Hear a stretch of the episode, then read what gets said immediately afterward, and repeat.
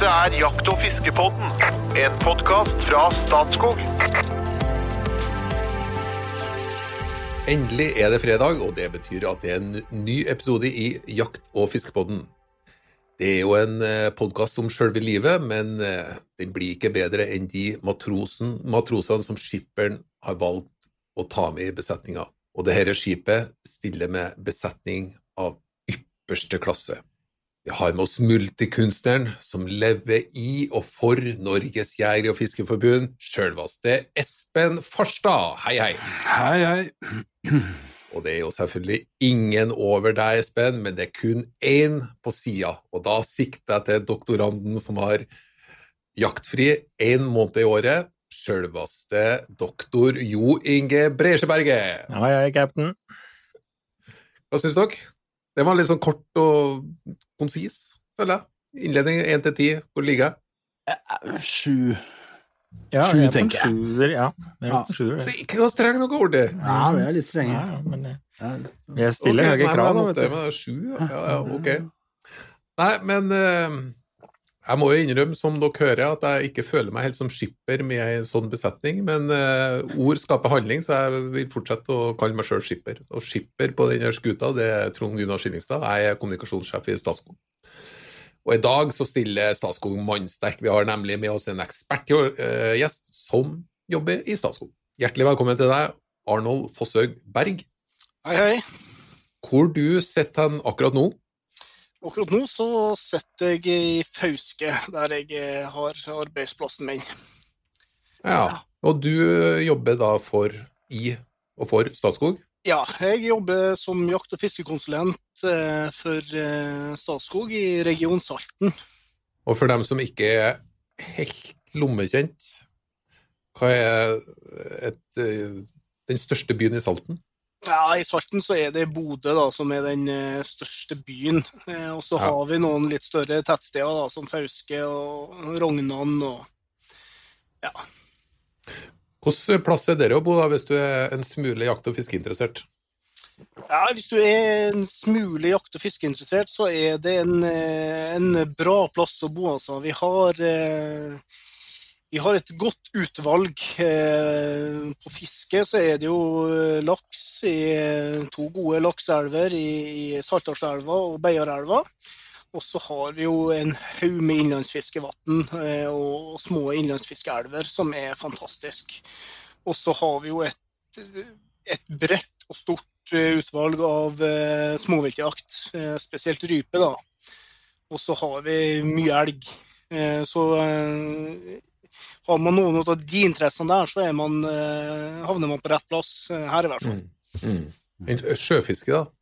Ja, da, Sjøfiske er jo stort. Eh, Vi har Skjerstadfjorden, som er en, en kjent fjord for, spesielt for sjøørret. Og det er også bra med kveitefiske og sjøfiske langs Saltstraumen, som ikke er veldig langt herifra. Da.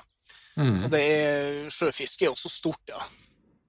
Saltstrømmen, det, er- det, er, det er en sånn voldsom tidevannsstrøm, er det?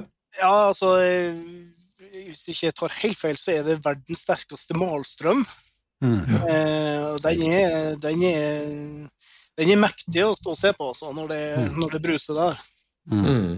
Hvordan er det, er det spesiell type fisk som trives i så sterk strøm? Er det noen som vet noe om det? De, de fisker jo mye kveite da, i Saltstrømmen. Saltstraumen. Eh, Det er jo noen eh, solskinnshistorier av, eh, av eh, de som har stått med små, eh, små lett utstyr og fått eh, kveiter på godt over 100 kilo. Og det er bra, det. Ja, det vil jeg si. All fisk, all fisk liker seg et sånt sted fordi at det er bevegelse i vannet, og det strømmer næring fram og tilbake. Det er jo sei, ikke minst, ikke sant? Og, og det er torsker, og det er steinbit, og det er, det er mye Det er rett og slett fiskerikt i, i et sånt område. Mm. Ar Arnold nevnte på sjøørret, og det er jo Mm. I all beskjedenhet så er det jo ganske bra sjøørretfiske på kysten her, da, Arnold. Ja da, det, det jeg prøver å ikke si det for høyt, altså. Man må ha Nei, nei. for seg sjøl. Nei, nei, jeg, jeg har ikke hørt det, altså. Ikke i det hele tatt. Men det, det, et- det er et fantastisk bra sjøørretfiske langs kysten. Det er det. Men du, for å gjøre liksom, familieforholdene eh, komplett her. Du jobber jo nå i Statskog og har jobba der i ja, et par år, kanskje. Før det, hvor jobba du da? Eh, for det så eh, har jeg eh, jobba for eh, Troms Skogselskap eh, og Fylkesmannen i Troms eh, med, med skog, blant annet. Eh, og så har jeg vært en periode fylkessekretær for Norges Jeger- og Fiskerforbund i Troms.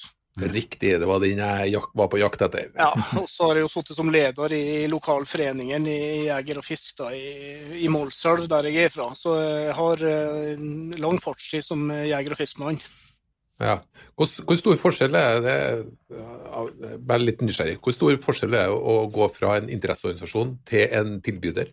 Nei, altså, jeg er såpass eh, jeg, ønsker, jeg ønsker å få til gode samarbeid med jeger og fisk, da. Eh, så det er jo eh, det er litt, litt vanskelig å si, men det er, det er ikke store, store forskjeller. Men nå, nå sitter vi jo som en, en forvalter og grunneier i, i Statskog. og Eh, og må kanskje være litt hardere på å si nei av og til, da, hvis det er noen sånne vidløftige spørsmål. Men stort sett så, så løser vi det og sier ja. Og eh, det er jo ufattelig artig å kunne være med og bidra i lag med jeger og fisk, på, spesielt sånn som opplæringsjakta på elg, eh, som vi er, er stor med her i, i Nordland, og også på Helgeland og her i Salten. og det er jo det er jo et fantastisk samarbeid. Det er så fruktbart at det, det Ja, det er utrolig artig. Jeg vil hive meg på der, da, Trond Gunnar, og si at vi har jo et tradisjonelt godt samarbeid med Statskog, spesielt i spesielt Nord-Norge. Ikke noe forkleinelse for dere nede på, på, Østlandet, Jo Inge, men, men, det er klart at Statskog er jo en veldig veldig viktig aktør som stor grunneier i Nord-Norge, og det har jo vært et godt samarbeid med Jeger og Fisk. Og egentlig så er det sånn at Skyte inn litt der, da, fordi at norsk viltforvaltning og norsk fiskeforvaltning er egentlig et sånn trepartssamarbeid. Hvor vi har sant, Myndighetene legger rammene og setter premissene for forvaltninga. Og så er det jo da selvfølgelig grunneierne som er inne. Som, som er, der ligger jo jakt- og fiskeretten. Og så er det utøverne som da er jegerne og fiskerne. ikke sant? Og dette samarbeidet her, det er jo gjennomgående svært godt i Norge. Det vil si vi har en god viltforvaltning, også en god fiskeforvaltning mange steder, og det er et resultat av der, dette trepartssamarbeidet, hvor man har litt sånn gjensidig respekt for hverandres roller og sånn, og det, det, Ja, jeg tror det er mange rundt i verden som kan misunne oss dette her, og vi som jeger- og fiskeorganisasjon er iallfall veldig opptatt av å spille på lag med grunneiersida og forvaltningen for, for en best mulig vilt- og fiskeforvaltning. Det var dagens programerklæring, men det kom naturlig i kjølvannet av Arne. Ja, Ja. Men, men bare for å følge opp det, da, så jeg har jo vært litt rundt hele verden og jakt og fiske, og det er faktisk ganske unikt. Det, det ligner nå i, i Finland. Ligner litt på det systemet, altså litt på det samarbeidet vi har. Men det er ikke så bra i Sverige, for eksempel, eller kommer østover eller sørover i Europa, så er det helt et annet klima enn det vi har her, altså. Så det, det Espen sier, det er ganske unikt, faktisk. Nei, men uh, da går vi videre fra å beskrivelse av vår egen fortreffelighet, så skal vi bevege oss uh, sakte, men sikkert inn på, på hovedfokuset i dagens episode. Men jeg kan spørre deg litt åpent, Arnold. Hva er, hvordan fiske setter du aller høyest? Jeg, jeg er jo vokst opp eh, så å si i ei lakseelv, eh, sånn at det er jo eh, Laksefiske er jo det som ligger hjertet mitt nærmest, da. Men eh, i den lakseelva så har vi jo en vanvittig bestand av harr.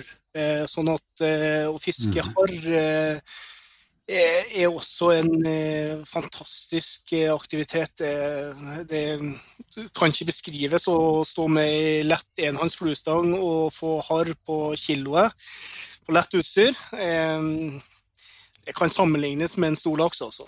Hør nå, Trond Gunnar, for dette her har jeg, prøvd- dette har jeg prøvd å si til disse gutta før, at altså, Norges beste lakseelv er egentlig Nei, harreelv, det er altså Målselva. Eh, og i den grad du da liksom kommer til og slipper til her på ulike områder, så er det, det er et helt fantastisk harrfiske i den elva der. Ja, det er ubeskrivelig, nesten. Men eh, hva tenker du om Ja, du, du, du var så vidt inne på det. For at, eh, i dag hadde jeg tenkt at jeg skulle utfordre deg på, på å gi eh, lytterne noen helt konkrete, gode råd om fluefiske etter laks. Ja. Er det, er det noe du bedriver hvert år? Er du mye på fluefiske etter laks? Ja, altså jeg eh, Det er fluefiske etter laks som er min, eh, min store lidenskap i lag med elgjakta. da, eh, Det er det. Og, og så jeg bruker mye timer eh, i elva. Det gjør jeg. Så jeg kan gi relativt tjukt med, med råd eh, for dem som eh, ønsker å, å starte der, altså. Eh, Det er, det er mye man kan gjøre, men det, er jo, det er jo Man må starte en plass. Nei, men ok. Jeg skal, jeg skal ta bare et bitte lite utgangspunkt.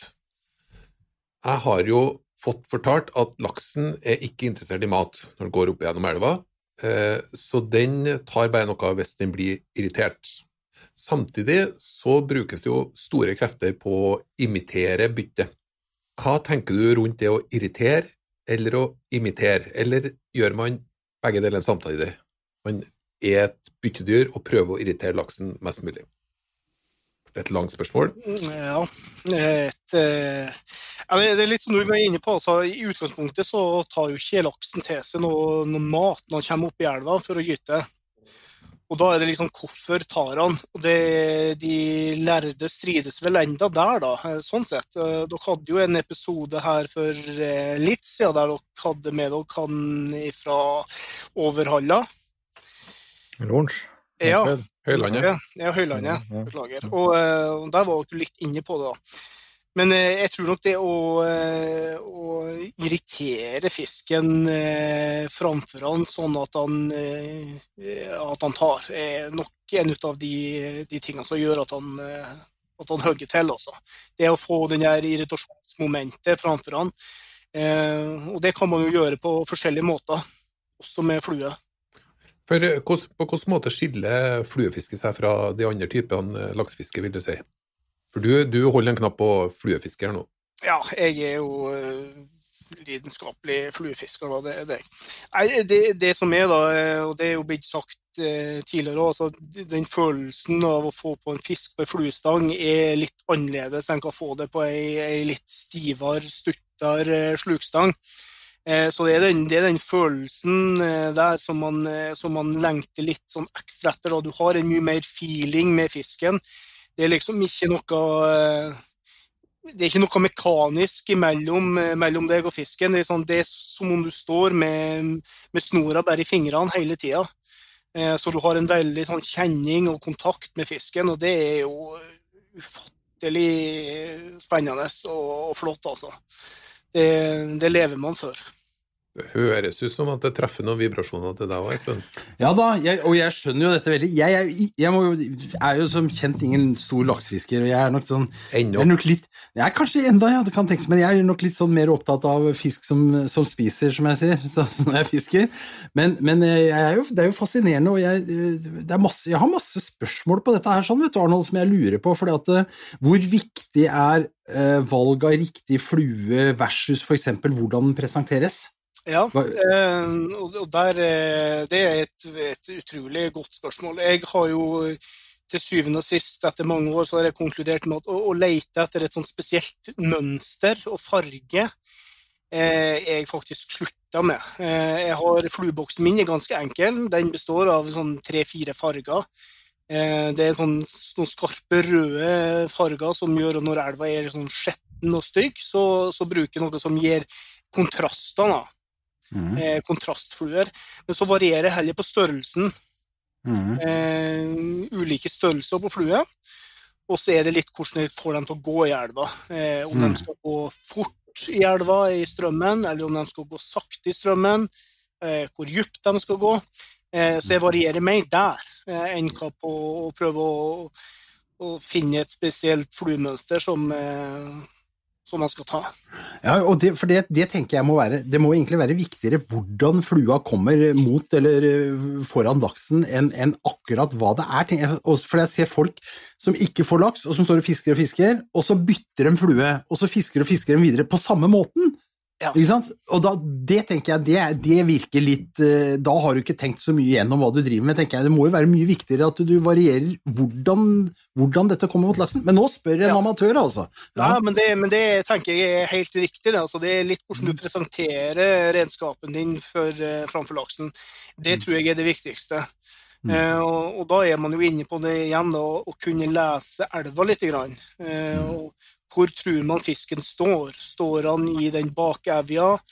Eh, står han bak den store steinen der? Eh, hvordan skal jeg få flua til å, å fiske fint gjennom den hølen her?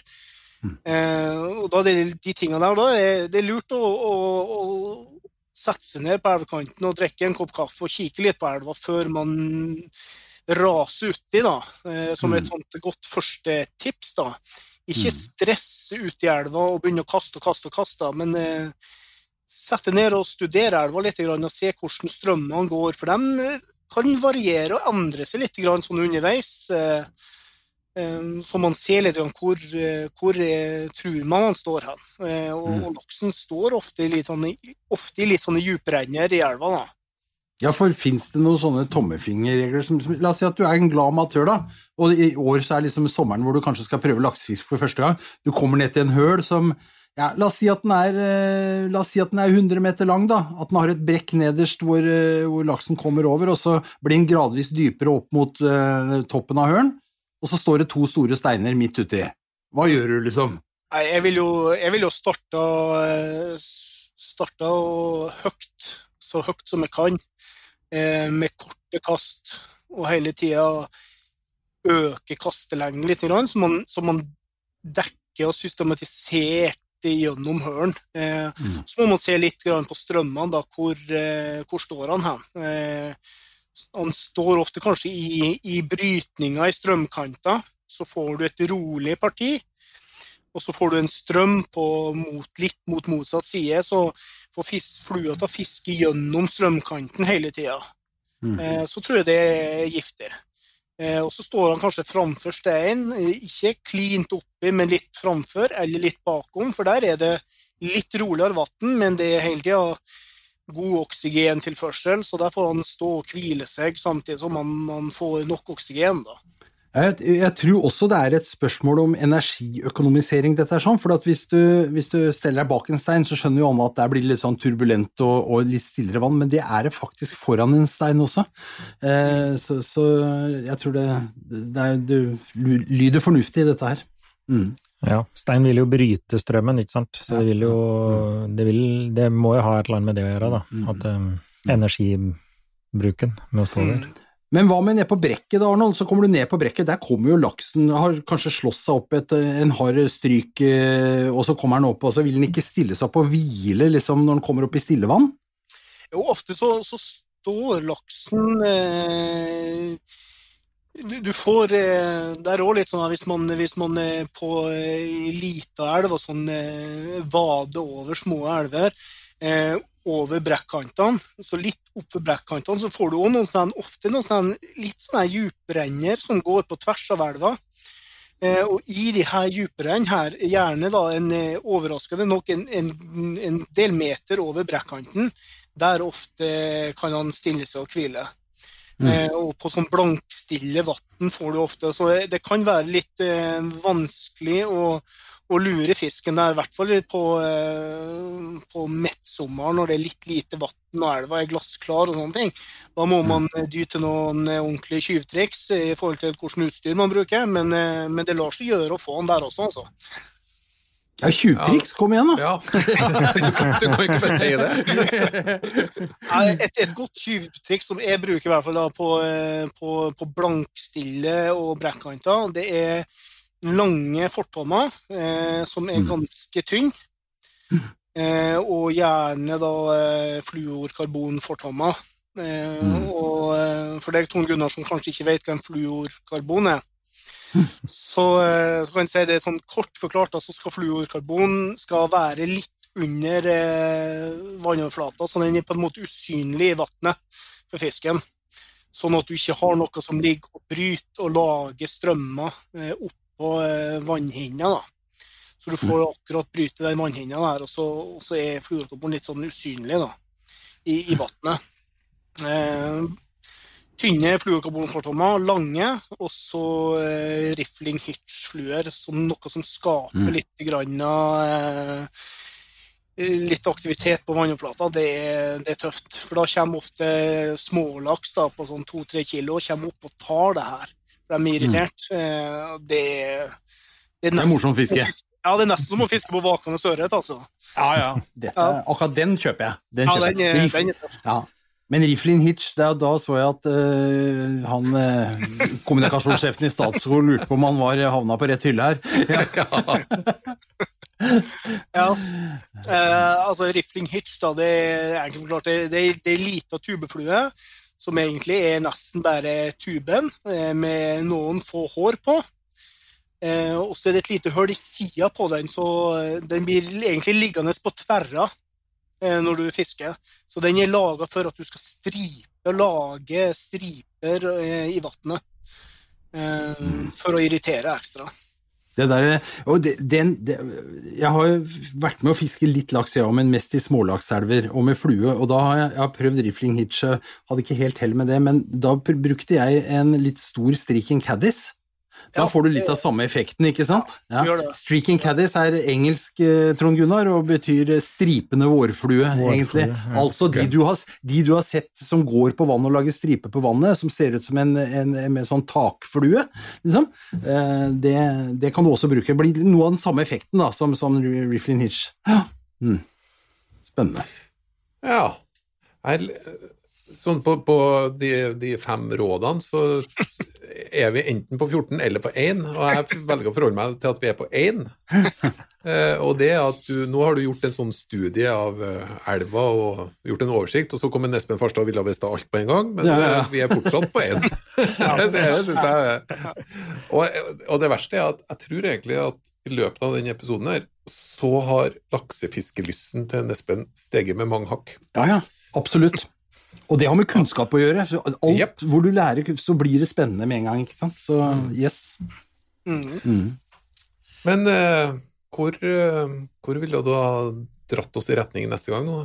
På råd nummer to? Ja, altså, råd nummer to da, når man skal fiske laks, da, så det er litt sånn uansett hvilken lakseelv man drar til. Eh, Sjøl i eh, små eh, Vestlandselven, kanskje, som jeg ofte forbinder med litt sånn små elver. Men, men det er stor laks i så å si alle elvene i Norge, så, så går det stor laks opp. Eh, og da må man ha et utstyr som er tilpassa å fiske laks du har de som er tøffe og kommer med nifot, firer, fluestang, eh, men eh, det blir tøft hvis du får på en på ti kilo pluss, altså. Sånn at du har et, et utstyr som er tilpassa. Eh, tohånds eh, fluestang til laks er å anbefale. Eh, De er kraftigere eh, og lengre. Eh, Og Fordelen med det er at eh, du kaster som oftest lengre med ei tohånds fluestang. Det er en ting. Og så bærer den tørre, tyngre snører og tyngre fluer.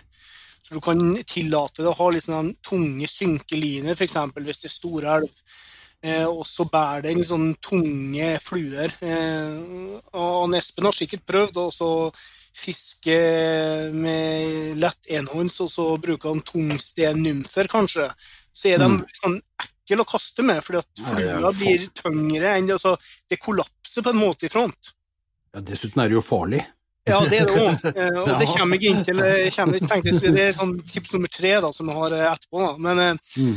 eh, så du, man har et utstyr som er, er tilpassa. Tohånds fluestang på eh, 13-14-15 fot. Eh, og så at man har ei, ei snelle som er, har ei god brems på snella. Eh, og god brems, og så bør den ha kapasitet og rom til altså du får på nok eh, backing, snøret. Eh, fordi at plutselig så er det en, eh, en laks som du kanskje krøker på 6-7-8 kilo. Den er sterk altså i strømmen. Den blir gående som ei oterfjøl i strømmen, og da, da eh, seiler den nedover elva 250 meter uten problem. Og så skal du begynne å springe etter langs elvkanten, så er det greit å ha litt ekstra snor på den snella, altså. Mm. Men nok backing, hvor mye er det da, Arnold? Er Ja, du sier 250 meter, du kan ikke ha Ja.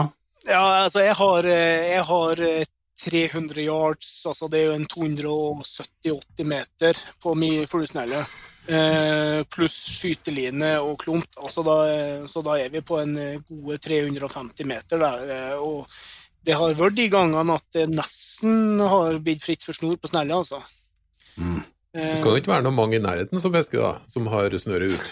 Nei, og, og det, det er litt fine da, med, med å gå langs lakseelva. Altså, får du på fisk, så er det bestandig noen andre fiskere. De er hjelpsomme, og, og de er veldig sånn, hyggelige og ordentlige. Og, og de sveiver inn eh, sitt utstyr og, så stiller seg og venter til eh, du har fått, eventuelt fått han på land. Da.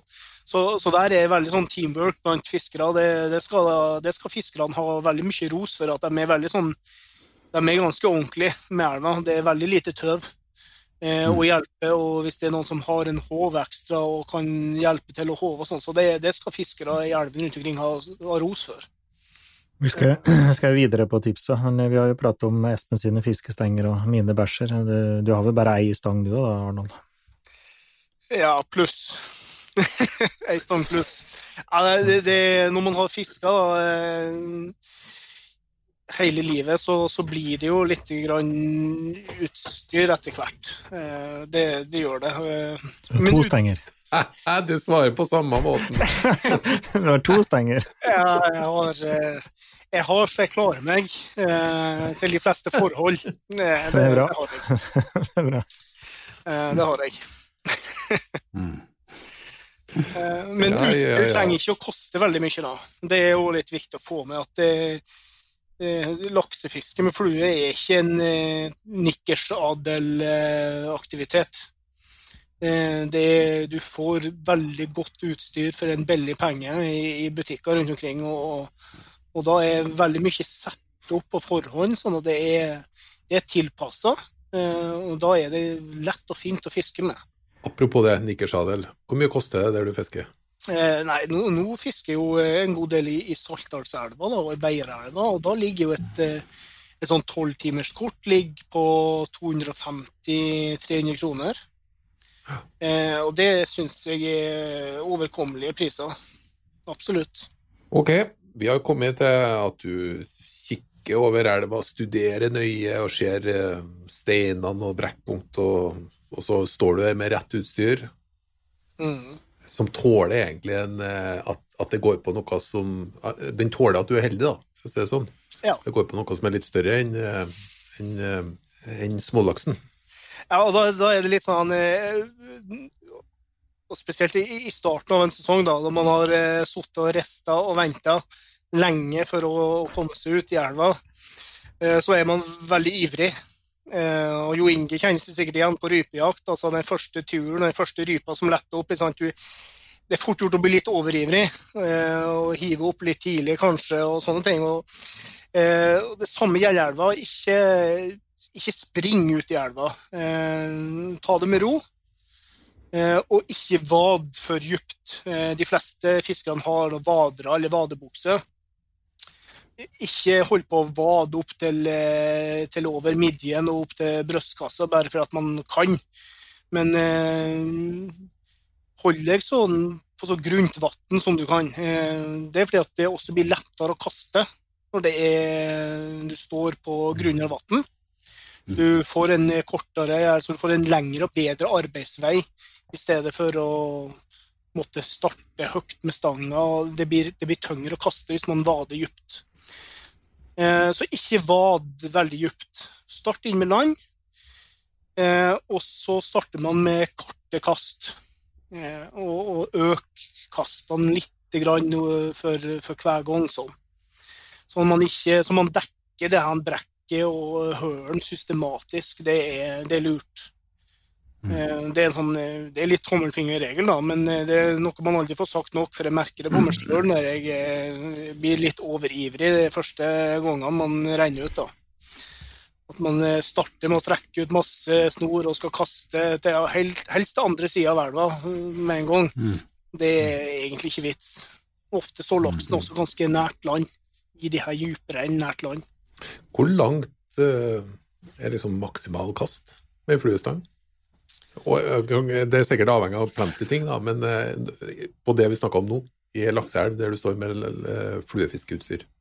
er ofte det denne eh, fluelina som du har på stanga, det kaller vi laksefiskerne for, for en klump. Og den er på mellom 10 og 15 meter, kanskje. Og den er ganske lett å kaste ut. Eh, så når du har kasta ut den, så er du liksom kanskje allerede 10-15 meter ut i elva, og da er du nesten langt nok bestandig. Eh, av og til så kan det lønne seg hvis du er i store elver som Målselva f.eks., som er ei stor, brei elv, eller Altaelva, Tana, som er store, breie elver, så må man kanskje dra på litt lenger av og til. da. Men eh, ofte så, så er det nok når du har fått klumpen uti, altså, så du trenger ikke å kaste sånn her svinlangt. Eh, det er ikke nødvendig. Kaster du 90 grader på elva sånn og lar den drive ned, eller har du vinkla mer nedover? Ja, for det er liksom neste sånn her lure triks, da. Det er å, å, eh, det er å vinkle kastene. Vinkle dem litt sånn litt skrått nedover. Mm. Eh, for da får du flua til å fiske litt sånn fortere og bedre med en gang hun lander. Mm. I stedet for at hun kommer 90 grader, og så kommer hun sånn sveipende etter. For da blir også kanskje kroken litt feil vei. Eh, fisken kan gå opp og ta flua, men kroken er, er feil vei, og da hekter han seg ikke noe særlig godt på. Sitter han Mm. dårlig. Mm. Så å vinkle kastet eh, rundt 45 grader eh, er, er veldig greit. Okay. Det er lurt. Er du enig, Espen? Ja, altså det er jo sånn Altså, jeg fisker jo tørrflue i elv, eh, og vil jo eh, tenke mye det samme. Altså, det handler jo om hvordan ikke Altså, flua går slik som resten av fluesnøret går, ikke sant? Sånn at du vil jo Ja, nei, det, det høres, høres riktig ut. Høres fornuftig ut for meg, dette her. Men jeg sitter nå og suger til meg kunnskap, ja. Altså bare for, Ja, jeg, På en positiv måte så er du veldig, veldig eh, uvanlig ydmyk, så jeg syns det er veldig bra. Interessant. Ja. ta det etter, Nikker tar det etter, tar det etter sending. Ja. Ok, Arnold, vi er, vi er klar for mer, vi, rett og slett. Ja, nei da, men det sånn blir, det blir litt sånn glidende overganger mellom det han eh, Alt man sier er jo egentlig tips og råd, da. Sånn at eh, eh, Men i forhold til det når man skal vade igjen, da, eh, så må man tenke sikkerhet med elva. Eh, det er en sånn en moment som man må ha med seg eh, ned dit. Selv ei lita elv kan ha stri strøm, sånn at man eh, passer på og er forsiktig når man vader. Det kan være rullesteiner som gjør at man fort sklir litt unna. Og eh, man kan være både god og svømme og alt, men eh, detter man i et kaldt vann med mye strøm, så, så får man litt sånn her eh, Fort litt sånn panikk, da. Så man, eh, man tenker sikkerhet i forhold til det med vading. Bruk gjerne en vadestav eller en kjepp og, og støtt litt ekstra. Eh, er det mye vind ute, så ha solbriller på, så den flua ikke eh, Mm. Plutselig slår en litt gal vei når man står og kaster, og så eh, står man med flua inn på øynene. Det, er- det er vondt. Mm. Eh, samme i sånn, i nakken og ryggen, at man har, eh, har sånn, gjerne en hals eller noe sånt som dekker nakken litt. For jeg har sjøl fått flua i nakken og i ørene og i panna og alt mulig. Så det, og den kommer i stor fart, altså. Mm. Så sånn Men, her sikkerhetsutstyr er fint. Men du, du nevner ikke redningsvest. Det er helt uaktuelt, liksom, når du går der. Eller? Nei, eh, det er ikke det, altså. For at, eh, heldigvis er det jo eh, andre enn meg som har satt fokus på dette med sikkerhet i over tid nå. Da. Sånn at jeg ser jeg er instruktør sjøl under Camp Villaks. Og, eh, og der eh, bruker instruktører og utøvere og elevene de skal ha sånne her vester på seg, sånne krager. Eh, og jeg ser flere og flere fiskere er blitt veldig flinke til å ha det på seg sjøl når de bare går langs elvkanten og fisker. Eh, men det er jo ikke påbudt, så vidt jeg vet, at du skal ha det på når du drar langs elva. Men i båt så er det vel eh, gjerne mer at det skal brukes. Mm. men, men en sånn krage er ikke i veien, altså. Det er, det er veldig lurt å, å ha på seg. Du, du sa jo ikke det, da, men det skjer jo år om annet at folk, folk faktisk drukner i lakseelven nå. Og Når du får fylt opp de vadestavene, de har jo stort sett uh, høye vader, ikke sant, og får fylt opp de med kaldt flomvann, så kan du jo få panikk enhver, ja. De, du kan jo få bra fart og dratt ned under og her det måtte være. Med, det er jo et visst sikkerhetsmoment, da. Ja, det, det, er det. Jeg har, selv opplevd lignende, og det er, det er ubehagelig altså, å, å ramle i kald elv. Eh, det er det. Mm. Altså Namsen som eh, ja. Namsen sies jo å ta et liv i året av mm. fiskere. Uh, og det er jo egentlig veldig høyt. Altså, vi har, oss, ja, vi har jo snakka om jakt og skyteulykker, ikke sant. Altså, det uh, mindre enn én hvert annet år som går med under jakt. To millioner mm. jaktdøgn. Men, men, drukning er faktisk et mye større, en større utfordring. Mm. Så det er all grunn til å ta det på alvor, det med sikkerhet. Mm. Mm. Jeg tenker jo sånn i Namsen når, jeg ser området bli fiska, men områder litt lenger ned er jo nesten ikke overlevbart hvis du har fått fylt vaderne dine. Altså. Så det er klart at mm. det kan være fint akkurat der du står, men det må jo være veldig rolig nedafor òg, hvis, hvis, du skal føle deg trygg uten sikkerhet, ekstra sikkerhetsutstyr. Mm. Jeg vet ikke om du sa det, men bruker du redningsvest du har nå? Ja, når, når, elva er skikkelig stor, eh, når, når, hun går med 450-500 kubikk, så eh, da har man ikke lyst til å, å skli uti. Altså. Da kommer det ofte sånn Når store, når det er mye vann, så kommer det også sånn dønninger og slag inn av og til. Eh, så du kan liksom stå med vann opp til knærne bare og føle at du har stålkontroll, og så kommer det ei dønning fra en foss eller fra et brekkant som slår innover, og den gjør at du mister balansen, altså. Mm. Så nei, den sikkerhetsbiten i elva er, er, viktig å ha med seg i bakhodet hele tida. Mm. Nei, da har jeg kommet til nummer, siste avgjørende, nummer eh, fem. Nå er spenningen til å ta og føle på. Ja. Ja, da er det, jo, eh, det er jo så mye igjen ennå hva man skal plukke ut av, av gode tips. ja, dere, er oppkommet og kunnskap som jeg har med meg i hver podkast, de, de, tilpasser hele tida det der. De da tar de sånn overordna tips, og så putter de inn alt mulig inni det. Ja. det... ja. Nei, altså, vi, vi, var litt inne på det her eh, egentlig tidlig, da, men, eh, men det tipsene, det, det er liksom Når du fisker, så varierer på, eh, på størrelsen på fluen og, og farta de fluen fisker med. Og så er det Ofte så, så trigger det og at det er litt, litt fart i flua. Og kaster man 45 nedover, så, eh, og, og det, man føler det går, eh, det går sakte, så må man kanskje bytte snøre, så man har på et lettere snøre, så strømmen tar mer tak i det og får mer, mer fart i det. Eller man kan mende nedover eller oppover. Og, eh, at man varierer på dybden man fisker på. Eh, man bruker litt ulike snører eh, med synkegrad i. Og, eh, og, hastighet og størrelse på fluer. Det, det tror jeg er det beste absolutt beste tipset å ha med seg.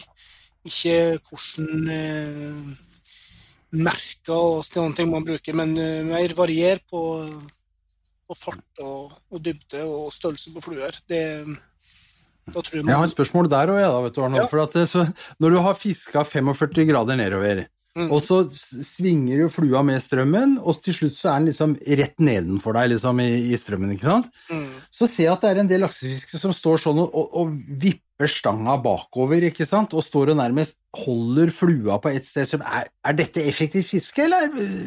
Det ser jo så rart ut. Ja. ja ser litt rart ut, men, eh, men ofte så, eh, hvis du har fiska det f.eks. over en sånn brekkant, mm -hmm. så kan ofte fisken følge etter det her. Mm. Han tar ikke med en gang. Så det er sånn å fiske utkastet, som man sier, er mm. viktig. Ikke begynne å trekke inn snora for tidlig. Fisk utkastet, og gjerne når den liksom er rett nedenfor deg, så stå og jukk litt. For Fisken kan ha fulgt etter, og så mm. står han bare der og lurer på om eh, skal jeg ta eller skal jeg ikke ta. Det er litt sånn, Man ser det ofte på, på filmer når man fisker gjedde. Så ser man man sveiver, og så, så stopper gjedda oppe. Hun tar ikke med første. Så kan du liksom nesten helt inntil båten. Bare stå og som om du pilker på isen, og så hogge til den. Sånn eh, har jeg opplevd mange ganger med laks nå, at eh, nei, der tok han i plutselig akkurat når jeg skulle begynne å trekke inn. Så var pika mm. at jeg fiska ut det kastet og, og venta litt. Grann. Mm. De, eh, de, kan følge etter. Ja, jeg skal innrømme det at uh, det trigger litt dette her. Jeg fikk litt, fikk litt lyst til å prøve dette her nå. Ja? Du, Arnold, hva er største laksen du har tatt? da? Ja, jeg har uh, 14,5 min pers på laks. Ja. Når jeg kom til Namsen, vet du, så kan det bli større. Ja, jeg har, eh, fiska, fiska i Namsen mange år. Så jeg, Ja, det var det, ja. Ja da. eh, Det var det. Ja, Hva som er din favorittelv, da? Ja, det er, åh, det er vanskelig å si. Altså, elva man har vokst opp i, så klart er, og den er jo høyt oppe, så klart. Men, eh, eh, men jeg har bodd to år i Grong, så jeg har fiska i Namsen og Sandøla en del. Eh, fantastisk fine elver. Eh, utrolig flott å fiske. Eh, Beiarelva og Saltdalselva er også utrolig fine. og Det er så, det er så store områder, så lange strekninger, at det, det tar jo et helt liv å få prøvd alle plasser, liksom. Så det er kanskje den, den beste elva har jeg ikke opplevd ennå. Nei. Ja, god ordning. God ordning. Du, eh, det slo meg underveis her nå, for at dette eh, En ting er å slenge ut en dupp i et innlandsvann. En annen ting er å fiske med flue i ei lakseelv. Eh, Komplikasjonsnivået er veldig ulikt der. Og så begynte jeg å tenke på, på både Statskog og Jegerfisk driver på med introjakter. På hvilken måte driver vi med introfiske? Ja, det, vi driver med det, vi. Ja, bortsett Ja, ja, ja fortell. Ja, faktum er at vi, altså akkurat begrepet introjakt var jo noe vi gjorde for å systematisere opplæringstilbudet på jaktsida. Så prøvde vi faktisk det samme å lage introfiske. Det eh, hadde ikke noe gjenklang i vår organisasjon, det ble liksom ikke noe fart i det. Men akkurat når det gjelder laksefiske, og du var jo innom det, Arnold, eh, at du er instruktør der du òg, vi har jo noe som heter Camp Villaks. Hvor eh, Jeger og Fisk sammen med Norske Lakseelver, som er grunneierorganisasjonen, eh, tilbyr eh, ungdom eh, en, en laksecamp i eh, rekke utvalgte elver fra Mandalselva i sør til ja, hva vi har i Finnmark. Jeg er ikke helt sikker på om vi er men vi er i hvert fall ja, vi er i hele landet, kort og godt, med tilbud, og blant annet i Målselva. da. Og Hvis ikke jeg husker feil, så ble det tatt en fantastisk flott laks i Målselva for et par Var det ei jente som tok en laks på Ja, var du der, Arnold? Ja, eh, hun var 17 og fikk en laks på 16. Ja, Oi, ikke sant. oi, oi. Så det var eh, det er en vanvittig fisk. Og Ja, et husker kjempe, kjempetiltak, da. Det er Ja. Camp Villaks. Det er jo et organisert opplegg. Er det ei langhelg, ja? En helg i hvert fall, og så betaler du type 400-500 kroner eller noe. Det er en veldig lav inngangsbillett. Og, og bra fiske og bra instruktør. Et kjempeopplegg, rett og slett. Det er det. Ja, det, kan De fleste sånne campinglaksene de er jo fullbooka på, på kort tid. altså. Hadde man kunnet hatt flere, så, så tror jeg det hadde vært, eh, vært fullt da også. Det er dødspopulært. Mm. Jeg kan jo eh, trekke, trekke frem det du sier, Espen, om, eh, om de videoene som dere har laga. Om sånn, hvordan, hvordan gjøre det ene og hvordan gjøre det andre knytta til fisk. Det er òg en, eh, en måte å introdusere folk til fiske, da. Mm, det er det. Så, men du, jeg kom på noe. Vi sitter jo faktisk her med Fisketrimmes far. Du skal få lov til å se hva Du har, du har en, eh, en greie gående i salten nå, der du ønsker å få folk og lokke dem inn i fristelsen. Ja, Hva er fisketrimmen? eh, Fisketrimmen er en, eh, det er en litt sånn kopi av, av Ti på topp-turer. Men eh, her går du til eh, utvalgte fiskevann i eh, både hele Nordland og Troms. Og sanke poeng. Og så kan du ta bilder av de fiskene du får. og legge ut på, på våre hashtagger både på Facebook og Instagram. Og så er du med i trekninga av noen flotte premier. Og det er jo for å få folk ut og fiske. Eh, du trenger ikke bare å gå opp til en topp i ei postkasse og skrive deg inn, og så gå ned igjen. Nå kan du gå til noen av de fineste innlandsfiskevannene Statskog har å by på, og så eh, og fiske der og få deg en fin tur i naturen, samtidig som du får, eh, får oppleve et fantastisk ørret- og røyefiske på noen vann. Eh, Nå eh, begynner isen å gå på de fleste vannene her eh, i nord. Da. Sånn at, Det, det er men, det, langstrakt etter landet. men det er enda eh, gode muligheter å fiske på isen noen plasser. altså. Men det, blir, også, det, blir, det blir tur med mening, som vi sier, Ja. Jeger og Fisk. Ja. Ja. Tur med mening. Ja, ja, ja. Og så er ett område Nå er jeg holder på å glir bort fra, fra laks her nå, men det er ett område Narno skal ta meg med i, og det er Blerek. Og det, har jeg, det er en av de fiskeperlene som jeg har beskrevet, og det har jeg skikkelig lyst til. Men det er jo et, det er et område med mange vann, så det gleder jeg meg på. Ja. Har, har vi noen siste, siste spørsmål til oppkommet av uh, fluefiske etter laks-kompetansen vi har tatt inn her? Det er, jo, det er jo i bunn og grunn tusen spørsmål. Altså, dette kunne vi jo gjort mer ut av. ikke sant? Jeg sitter jo ikke igjen med ett spørsmål. Jeg er jo like laksedum, jeg, som eh, er kanskje litt klokere, da, men eh, jeg føler jo Du nevnte at jeg var ydmyk. Det er jeg jo i sjel og legeme, som type. Og, og Ja, jeg, jeg kjenner, ja, og jeg kjenner, jeg kjenner at her, eh, her er det bare å sitte med svære ører og dra til seg kunnskap. Mye spennende. Ja.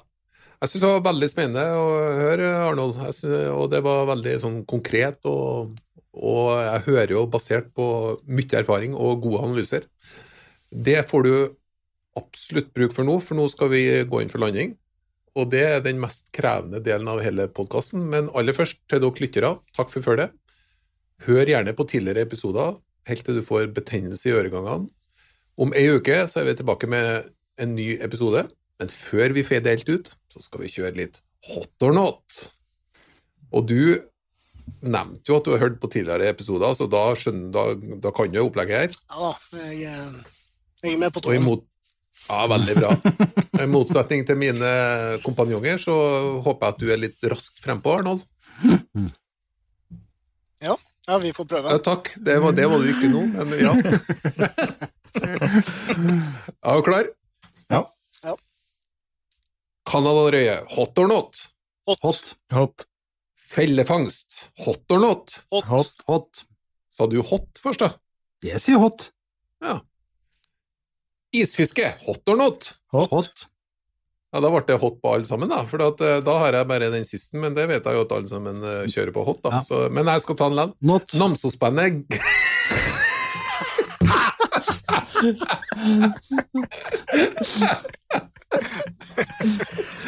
Espen, du må vente litt. Han har ikke sagt det. Han ba meg være rask. Ja, du var litt kjapp nå. Scooter før du har kommet til bunkersen, liksom. Jeg skal prøve noe. jeg skal prøve igjen. Det var bra. Namsosbandet Grannes med slagere som himmel til deg og ingen vei tilbake. Hot or not? Not. Not. Ja, det var hot på hele gjengen. Det var alt for Jakt- og fiskebåten. Ha det godt, vi høres igjen.